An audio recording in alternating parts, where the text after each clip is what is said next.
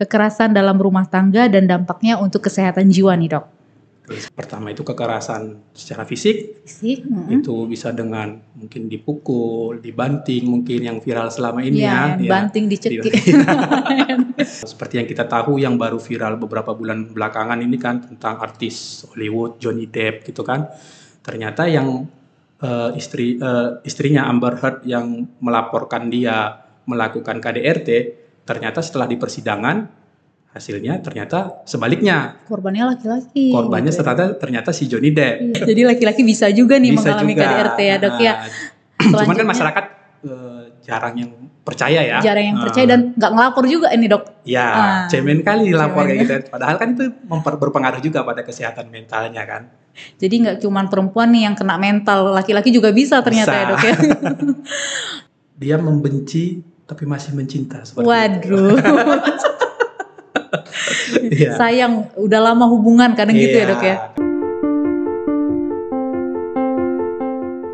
Assalamualaikum warahmatullahi wabarakatuh. Salam sejahtera, salam sehat jiwa. Kembali bersama saya Dr. Vera dalam podcast Seksi Ansietas PPPD SKJI. Nah kali ini kita bersama narasumber Dr. Munawir Saragi, Magister Kedokteran, Spesialis Kedokteran Jiwa. Assalamualaikum dokter. Waalaikumsalam, Vera. Sehat dokter. Alhamdulillah sehat. Balik lagi nih pada podcast kita ya dok ya. Ya. Dok, eh, kali ini kita bahas masalah yang lagi viral nih dok. Ya. Nah, masalah eh, KDRT nih yang Iya. kemarin sempat ada sama public figure yang lagi hitsisnya ini kan ya dok ya. Iya, lagi viral ya. Ya lagi viral banget nih dok nih. Kekerasan dalam rumah tangga dan dampaknya untuk kesehatan jiwa nih dok. Dok, kita langsung aja nih masuk pada sesi podcast kita kali ini ya Iya. mengenai KDRT ini ya dok ya. Jadi untuk KDRT ini sebenarnya apa aja nih dok? Ya, mungkin pertama kita eh, ke pengertian dulu ya. Mungkin dari pengertiannya sudah jelas KDRT ya, kekerasan, dalam Kekerasan, rumah tangga. Yaitu adanya suatu perilaku kekerasan yang terjadi eh, baik dari suami ke istri, istri ke suami, suami ke anak, atau suami eh, dalam satu rumah tangga gitu ya. Di mana dalam Undang-Undang Nomor 23 Tahun 2004 tentang penghapusan eh, kekerasan dalam rumah tangga itu eh, disebutkan bahwa definisinya merupakan eh, suatu perbuatan eh, terhadap seseorang, di mana di sini ditekankan terutama pada perempuan itu yang eh, yang menyebabkan penderitaan baik secara fisik, psikis, eh, seksual dan penelantaran dalam rumah tangga. Nah, eh, seperti itu definisinya. Jadi dari situ kita bisa lihat bahwa kekerasan dalam rumah tangga itu ada eh, empat ya, ada empat. Hmm, Pertama itu kekerasan secara fisik, Fisik, mm-mm. itu bisa dengan mungkin dipukul, dibanting, mungkin yang viral selama ini Iya, ya. ya. banting dicekik. Bisa juga dari secara kekerasan psikologis, misalnya pengancaman, membuat membuat seseorang menjadi rasa takut, ya kan, menyebabkan rasa takut, merasa eh, terancam, gitu ya. Bisa juga secara seksual, walaupun mereka mungkin suami istri, pemaksaan dalam hubungan seksual, gitu kan, eh, yang tidak mendapatkan izin dalam melakukan tindakan-tindakan mungkin yang tidak eh, yang menyebabkan suatu kekerasan gitu ya dalam hubungan seksual. Dan eh, yang saya inikan juga di sini ada eh, termasuk penelantaran dalam rumah tangga. Itu juga termasuk dalam kekerasan dalam rumah tangga ini menurut undang-undang tersebut seperti itu. Jadi mungkin empat faktor itu. Jadi tidak hanya eh, kekerasan secara fisik tapi juga mungkin membentak, memaki ataupun mengancam itu juga termasuk kekerasan dalam rumah tangga seperti itu. Eh, tadi sempat nyinggung masalah penelantaran ya dok ya. Iya, Berarti untuk penelantaran dari finansial nih dok, itu termasuk juga dalam KDRT ya dok ya? Kalau di dalam ah, kita mungkin tidak membahas undang-undang ya, tapi Iya. dalam itu mungkin bisa kita eh, masukkan dalam hal itu dari definisi Kategori itu. dari gitu. Iya. KDRT ini ya dok Iya, ya. iya. Tadi sempat juga dokter katakan ini kekerasan dalam rumah tangga, berarti dalam suatu rumah tangga. Berarti kan kemarin sempat nih eh, yang hits hits itu eh, Hmm. banyak komen-komen masalah punya pasangan yang mengalami KDRT, KDRT. Cuman ini eh, banyak komen-komennya masalah pasangan yang lagi pacaran. Berarti itu tidak termasuk ya dok ya? Eh, kalau di kita mungkin eh, lebih ke pasangan yang berumah tangga ya. Berumah tangga ya Tapi dok ya? dalam beberapa literatur itu di luar negeri itu eh, itu kan disebut sebagai eh, domestic vi- violence ya, eh, kekerasan eh, dalam suatu hubungan. Jadi eh, mungkin di Indonesia itu lebih ke rumah tangga yang sudah berkeluarga, tapi di luar sana itu kan kebanyakan hubungannya tidak dari Iya, dalam benar-benar, pernikahan. iya. Nah, itu juga termasuk sebenarnya Termasuk ya, Ah, ya. dalam hubungan mereka eh, tinggal serumah gitu kan. Itu juga tanpa hubungan pernikahan terjadi kekerasan itu juga disebut kekerasan dalam rumah tangga jika di luar. Tapi di sini mungkin eh, lebih ke setelah hubungan pernikahan ya. Ya, dok, benar Hmm. sekali dok ya. Kemudian dok, eh, yang kita tahu dan banyak orang tahu gitu ya kan dok ya, kekerasan rumah tangga ini banyak didominasi oleh perempuan. Tapi ternyata yang dokter sebutkan dari definisi tadi bisa pada laki-laki ataupun pada anak juga ya dok ya, untuk korbannya gitu ya dok ya. Iya, eh, dari beberapa literatur yang kita ketahui ya, itu kan eh, disebutkan memang eh, korban dari kekerasan dalam rumah tangga ini itu kebanyakan adalah perempuan, tapi tidak menutup kemungkinan juga eh, ada sedikit kasus, walaupun tidak banyak ya, atau mungkin tidak banyak yang melaporkan, itu kebanyakan ada juga yang terjadi pada laki-laki.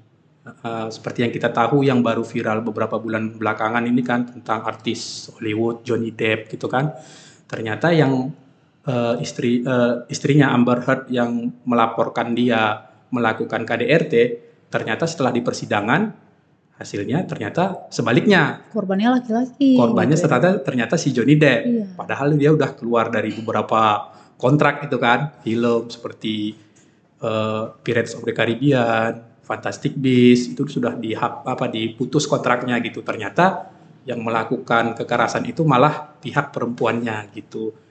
Jadi tidak menutup kemungkinan uh, memang jika ada laporan pun KDRT orang pasti percaya bahwa yang dilakukan uh, yang mendapat mendapat perlakuan kekerasan itu pasti perempuan.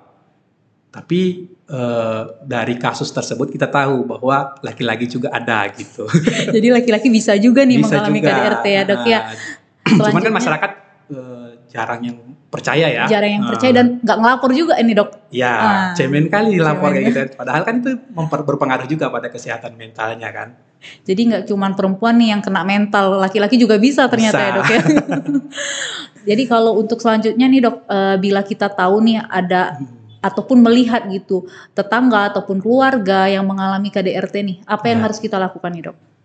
Ya, un- untuk kita ketahui bahwa kalau kita melihat adanya suatu eh, kekerasan dalam rumah tangga, apakah itu tetangga kita atau keluarga kita, yang pertama itu ya kita jauhkan korban, baik itu eh, suami atau istri dengan anaknya dari eh, pelaku. Itu yang pertama. Kalau memang sudah kita jauhkan, eh, kita eh, evaluasi psikologisnya, mungkin diajak ke ahlinya, seorang uh, psikiater atau psi- psikolog untuk dilihat apakah sudah terjadi suatu gangguan mental atau gangguan-gangguan psikologis lainnya yang menyebabkan dia uh, mungkin uh, mengalami penyakit-penyakit tertentu gitu kan. Setelah itu mungkin ya kita bisa mencoba uh, membujuk dia untuk mengadukan hal ini gitu kan ataupun dilakukan suatu eh, mediasi atau kita mencoba membantu untuk eh, kekerasan ini tidak terjadi lagi. Intinya kan di situ. Eh, karena ini sangat berpengaruh terhadap eh, perkembangan terutama anak ya. Anak, Eh, ya, pertumbuh kembang anak perilaku anak karena memiliki lingkungan yang seperti itu gitu kan. Eh, bisa terjadi agresivitas, mungkin nanti eh, penyalahgunaan zat seperti itu. Ya, benar sekali dok. Jadi yang pertama itu memang kita selamatkan dulu korbannya. ya, Selamatkan ya. dulu korbannya. Selamatkan dulu korbannya. Tergantung nanti apakah dia mau melapor atau tidak, itu tinggal kita ini eh, itu kan tergantung dari pada eh, korban ya. Cuman eh, yang yang perlu kita intervensi itu adalah terjadinya kembali kekerasan tersebut. Jadi memang bisa kembali lagi nih ya dok ya. Eh, kebanyakan sih dari eh, kebanyakan itu memang terjadi lagi gitu Jadi perilaku ini mengulang gitu ya dok ya. mengulang Sebenarnya yang paling kita obati ini pelaku atau korban nih dok? Sebenarnya harusnya dua-duanya. Dua-duanya Nah, ya dok tapi ya? kan kita harus tahu apakah pelaku itu melakukan hal tersebut karena suatu gangguan ataukah karena memang sifatnya seperti itu ataukah memang eh, karena adanya eh, suatu norma atau kepercayaan yang dianut gitu kan. Bisa saja misalnya dia merasa eh, saya sebagai suami misalnya kalau suami yang melakukan kan saya harus dihargai. Eh, kalau apa yang harus saya bilang harus diturutin seperti itu kan. Iya benar sekali Nah, dokter. Kalau tidak langsung melakukan kekerasan. Itu kan suatu habit mungkin ya, Eh, tapi tidak menutup kemungkinan juga eh, dia memiliki suatu gangguan. Misalnya suatu gangguan kepribadian, ambang gitu kan atau yang lainnya atau gangguan-gangguan lainnya yang menyebabkan dia melakukan kekerasan. Jadi memang eh, jika terjadi KDRT dalam suatu keluarga itu perlu dievaluasi semua eh, baik korban maupun pelaku gitu kan. Dua-duanya gitu. Ya. Harus kita lihat dari dua sisinya dua juga. sisi ya, dokter, juga. ya. gitu. Dan untuk selanjutnya dok, eh, sebenarnya dalam rumah tangga atau KDRT ini Hmm. siapa yang paling mempengaruhi hal tersebut dokter? Siapa yang paling mempengaruhi ya? ini pertanyaan yang cukup eh, cukup ini ya, maksudnya cukup membingungkan. Mempengaruhi itu tergantung ya, tergantung siapa yang melakukan kekerasan. Nah, misalnya eh, yang berpengaruh itu suami. Misalnya jika dia melakukan kekerasan dalam rumah tangga, ya yang pastinya yang berpengaruh dia karena dia yang melakukan kan. Kita perlu tahu kenapa dia melakukan, apakah eh, karena suatu norma-norma tertentu. Sekarang ini kan faktor resiko terjadinya itu kan banyak Eh, terjadinya eh, kekerasan dalam rumah tangga, misalnya apakah karena faktor ekonomi ataukah faktor memang eh, norma yang dianutnya, misalnya dia merasa harus seorang suami harus dihormati, Dihargai dihargai, Mm. atau memang dia melihat hal tersebut pada saat dia masih kecil, Meniru, dalam mencontoh ya dok ya? meniru, mencontoh, itu kan bisa terjadi juga karena coping yang kurang baik kan. Mungkin dulu ayahnya seperti itu misalnya. Hmm, Jadi ngerasa melakukan dibenarkan perilaku gitu gitu ya dok? mungkin eh, kalau saya mau dituruti harus seperti ini, Ah, misalnya ah. seperti itu kan. Bisa juga karena seperti itu atau atau karena adanya suatu gangguan kepribadian yang menyebabkan dia melakukan suatu kekerasan atau eh, gangguan-gangguan lain bisa juga terjadi seperti itu. Ya benar sekali dokter. Kemudian dok, eh, dari perilaku yang KDRT ini pasti mempunyai dampak ya dok ya untuk Ya. korban ataupun juga untuk pelakunya. Ini gimana nih dok?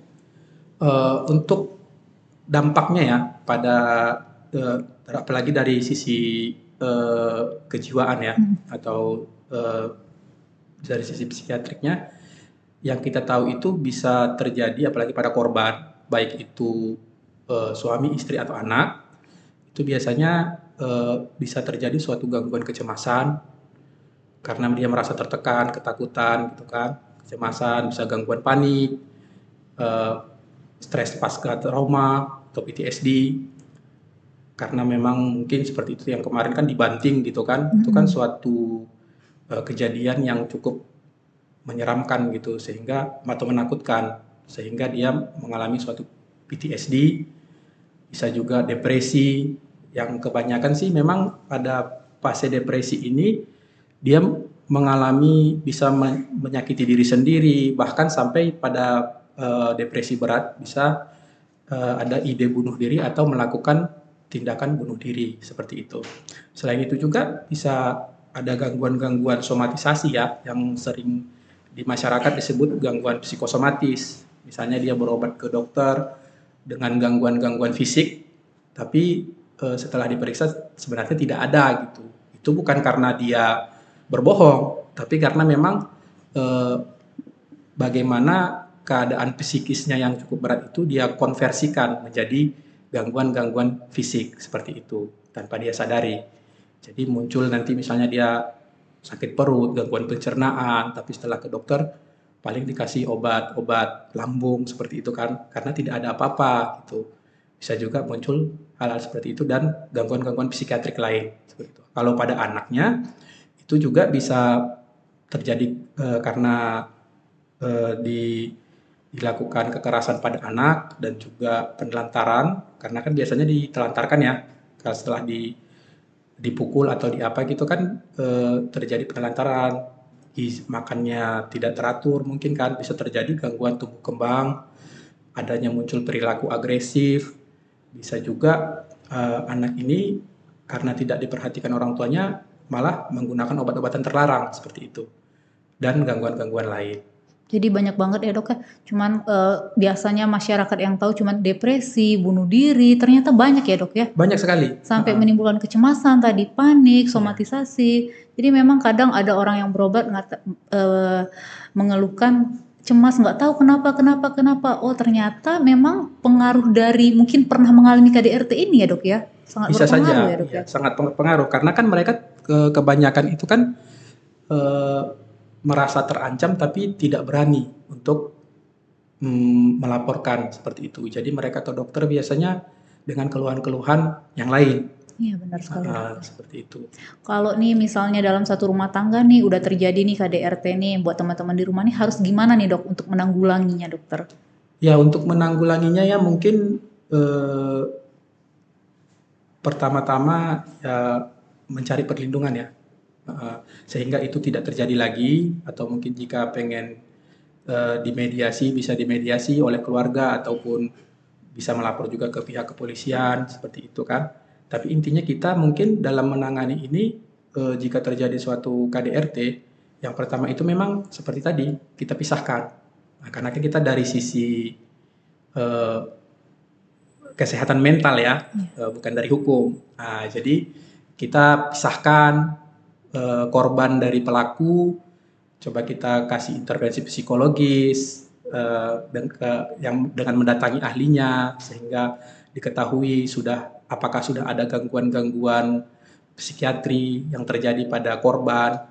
Setelah itu mungkin dilakukan uh, melalui pihak ketiga mungkin atau ada konselor yang selalu uh, mengawasin dan jika pun dikembalikan ke keluarganya itu harus dipastikan uh, ada pengawasan yang dilakukan oleh pihak ketiga untuk mencegah terjadinya uh, perilaku berulang perilaku tadi. Ya? berulang tadi. Intinya sih dikembalikan ke keluarganya dengan jaminan bahwa perilaku itu tidak lagi terjadi seperti itu. Ya benar sekali dokter ya. Cuman yang paling ditakutkan itu tadi ke anak ya dok ya ternyata. Iya ke anak itu memang sangat berpengaruh ya pada hmm. kesehatan mental anak gitu, seperti itu. Yang seperti kita tahu memang eh, pertumbuhan tumbuh kembang itu kan terjadi pada masa anak-anak ya. Mm -hmm. Uh, dan jika itu terganggu kan bahkan terganggu sampai di dewasa nanti. Iya benar itu. sekali dokter. Malah kemarin sempat juga ada yang takut untuk uh, punya pasangan katanya karena ngelihat orang tuanya yang mengalami kekerasan sampai iya, sebegitunya iya. ya dokter ya. Iya itu sampai viral juga kan tidak iya. mau menikah, iya, iya, tidak mau punya anak. Iya. Gitu. Mungkin itu ya seperti yang kita pelajari di psikiatri ya. Karena masa-masa dia uh, tumbuh kembangnya itu sangat berpengaruh nanti pada saat dia dewasa. Yeah. Iya. uh, karena pengalamannya itu kan hmm, teori perkembangan ya. Teori perkembangan ya, dokter ya. Benar sekali dokter. Jadi memang uh, apa yang kita lihat apa yang kita alami di dalam keluarga akan mempengaruhi pola pikir dan perilaku kita ya dokter iya, ya. ke depannya seperti iya. itu mungkin nanti uh, teman-teman di rumah nih uh, jika mengalami kekerasan dalam rumah tangga ataupun melihat kekerasan dalam rumah tangga mungkin kalau ada perilaku yang sudah uh, tanda kutip mungkin hmm. bisa langsung dibawa ke psikiater atau gimana nih dok? Ya bisa langsung mungkin diberikan perlindungan dulu karena kan uh, bukan semua ya kebanyakan itu kan tidak berani melaporkan. Tidak berani melaporkan. Ya tidak berani melaporkan karena kan nanti kan ya uh, kalau kita ibaratkan itu mungkin dia per, uh, dia membenci tapi masih mencinta seperti Waduh. Iya. Sayang udah lama hubungan kadang iya, gitu ya, Dok ya. kadang juga memikirkan anak memikirkan itu kan. Cuman cuman balik-balik mental kita harus dilihat juga ya, Dok ya. ya. Kesehatan mental itu kan sangat berpengaruh sekali kan. Iya benar sekali dokter. Mungkin uh, teman-teman di rumah kalau mau ada yang konsultasi tadi bisa nanti ya dok ya di mana konsultasinya sama dokter? Atau Siap. ada yang udah ngalamin KDRT yang ngerasa nggak enak nih?